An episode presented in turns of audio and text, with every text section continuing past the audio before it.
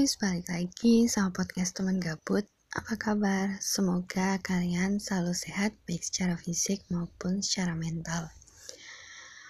Aku tuh sebenarnya bingung mau uh, upload episode baru atau enggak karena sebenarnya aku tuh pengen collab sama teman-teman aku. Cuman teman-teman aku tuh mereka pada bilang e, enggak deh kak suara aku cempreng kayak gitu. Padahal di kehidupan nyata adalah suara mereka itu nggak cempreng malahan aslinya tuh suara aku tuh lebih cempreng daripada mereka beneran. Terus ya udah akhirnya ya udah deh nggak usah collab dulu. Terus kemarin uh, teman lama aku nge-tweet gitu intinya dia pengen banget uh, menyusuri toko buku pengen beli buku. Terus aku nanya di situ kak aku nanya dong uh, buku-buku yang kamu baca tuh buku-buku tentang apa? Terus beliau bilang kayak e, aku tuh suka buku-buku old school atau yang bahas tentang satire sosial kayak gitu kalau dia nggak salah. Kalau aku nggak salah dia bilang kayak gitu. Terus habis itu aku nanya buku siapa kak? Gitu kan.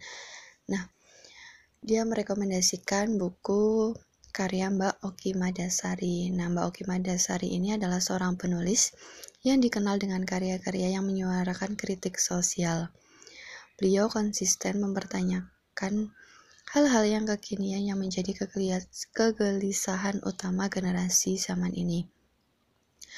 Novel beliau tuh ada uh, banyak ya satu aku tuh ada novel Entrok 86, terus Mariam Pasung Jiwana juga ada kerumunan terakhir terus aku nggak tahu lagi beberapa judul yang lain mungkin ada nah kemarin tuh aku iseng buka ipusnas terus aku nyari karya Mbak Oki Madasari terus akhirnya pilihan aku tuh terjatuh pada novel Kerumunan Terakhir yang dikeluarkan Mbak Oki Madasari pada tahun 2016.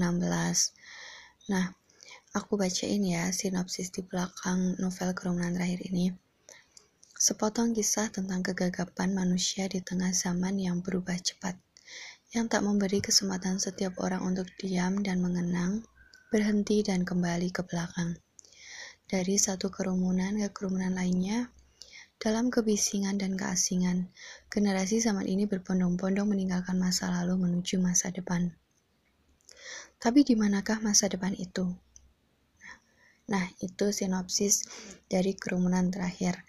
Jadi, inti cerita dari novel ini adalah pertama kita akan dikenalkan kepada sosok Simba. Simba ini merupakan salah satu wanita tangguh yang hidupnya didedikasikan kepada alam dan Tuhan. Beliau merupakan seorang juru kunci dari Suroloyo yang berada di kalau nggak salah wilayah Jogja Magelang itu ya. Nah, beliau ini benar-benar hidup sederhana jauh dari perkembangan dunia modern. Berbeda sekali dengan anaknya yang merupakan seorang profesor di salah satu perguruan tinggi negeri. Beliau tumbuh menjadi seorang yang hidupnya tuh bisa dibilang kayak modern beda banget sama ibunya. Nah si profesor ini punya anak namanya Jayabaya. Eh Jaya Negara maaf Jaya Negara Jaya Negara ini merupakan anak pertama dari sang profesor. Dia seorang laki-laki. Nggak lulus kuliah juga tidak bekerja di novel ini diceritakannya. Seperti itu. Uh, seorang Jaya Negara ini hidup dan tumbuh dalam rasa dalam tanda kutip yang aku tanggap ya. Perasaan uh, kecewa dendam terhadap ayahnya. Jadi di novel Mbak Oki Madasari ini digambarkan bahwa sosok ayah dari Jaya Negara ini adalah seorang profesor yang dikenal halayak publik dikenal oleh halayak umum itu sebagai seorang yang baik, seorang pengamat politik seperti itu. Tapi pada kenyataannya di kehidupan pribadi beliau itu tidak sebaik itu. Bahkan uh, sering main serong sana serong sini kayak gitu sehingga menimbulkan perasaan kecewa di hati seorang jaya negara. Nah Jaya Negara ini dia kan nggak lulus kuliah terus dia juga memilih untuk tidak bekerja. Dia menikmati hidupnya. Setiap hari hidupnya adalah berpindah dari kerumunan satu ke kerumunan yang lain mencari berbagai informasi yang hangat yang sedang dibicarakan beliau lebih senang uh, apa ya hidup di dunia maya kayak gitu berselancar mencari informasi melihat dunia lewat dunia maya. Nah, seorang Jaya Negara ini tuh menganggap bahwa internet itu adalah dunia baru dan uh, dia memilih untuk lahir di dunia baru dengan nama baru yaitu Mata Jaya. Nggak ada yang tahu Mata Jaya itu sebenarnya adalah Jaya Negara. Tiap hari dia hanya uh, berkerumun di internet kayak gitu mencari-cari informasi. Nah, beda lagi sama pacar dari Jaya Negara ini yaitu Maira Sari. Maira Sari ini digambarkan sebagai sosok wanita yang idealis yang selalu menganggap sesuatu yang baru itu menyenangkan dan selalu menanggapinya dengan menggebu-gebu seperti saat uh, pertama kali lulus kuliah dia berpindah ke Jakarta bahwa dia menganggap Jakarta adalah kunci. Ketika dia bisa mengalahkan Jakarta, berarti dia akan mampu bertahan di mana pun di seluruh Indonesia ini. Intinya seperti itu. Kemudian setelah dia mengenal internet, dia selalu bilang bahwa internet adalah masa depan. Internet adalah dunia baru.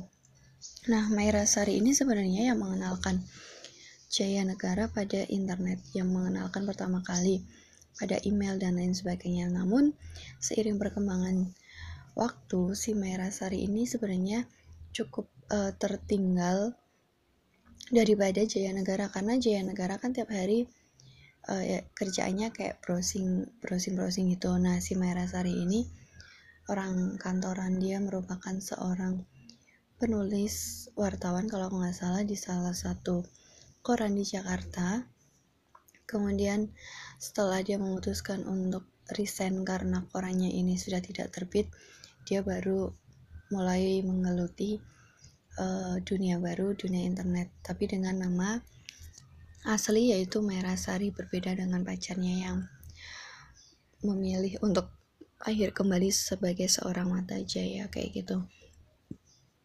Sebenarnya novel ini tuh lebih banyak membahas tentang kehidupan pribadi seorang Jaya Negara bagaimana uh, usaha dia untuk membalas dendam kepada ayahnya terus bagaimana dia berpindah dari kerumunan satu kerumunan yang lain di dunia internet menemukan orang-orang baru kayak gitu. Cuman kalau uh, setangkap aku novel ini tuh benar-benar membawa banyak ini sih apa namanya kayak dalam tanda kutip manfaat ke kita. Jadi bagaimana kita harus menghargai orang tua, bagaimana kita harus mengelola emosi, terus bagaimana kita harus memanfaatkan internet dengan baik. Kita juga dalam bermain sosial media seperti halnya di dunia nyata kita juga harus beretika kayak gitu. Di sini benar-benar digambarkan dengan bagus oleh Mbak Oki Madasari. Ini pertama kalinya aku baca karya beliau dan aku benar-benar kayak kagum banget sama sama bahasa terus sama alur cerita yang Mbak Oki Madasari berikan ini. Karena benar-benar kayak menurut aku relate aja sama kehidupan sehari-hari kita yang selalu banyak menghabiskan waktu di uh, kehidupan dunia maya kayak gitu. Cuman uh, menurut aku ya menurut aku lagi-lagi novel ini cocok dibaca untuk mereka yang berusia lebih dari 17 tahun. Karena ada beberapa bagian yang menurut aku kurang pas aja kalau misalkan dibaca oleh uh, anak SMP kayak gitu. Jadi aku menyarankan buku ini dibaca oleh kalian yang sudah berusia 17 tahun ke atas.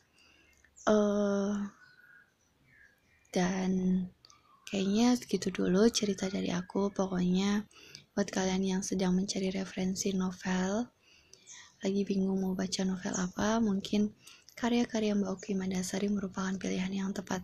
Ada banyak judul, terutama di Ipusnas, jadi kalian bisa pinjem.